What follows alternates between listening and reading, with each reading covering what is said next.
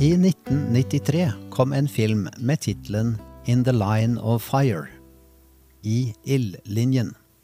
Den handler om en livvakt i USA som passet på president John Kennedy da han ble skutt i 1963.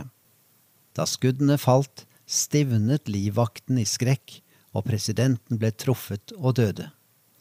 Spørsmålet som fulgte livvakten alle år senere, var dette. Klarer jeg å bli et levende skjold om situasjonen skulle oppstå igjen? Filmen ender med en scene der han virkelig kaster seg foran presidenten og redder livet hans.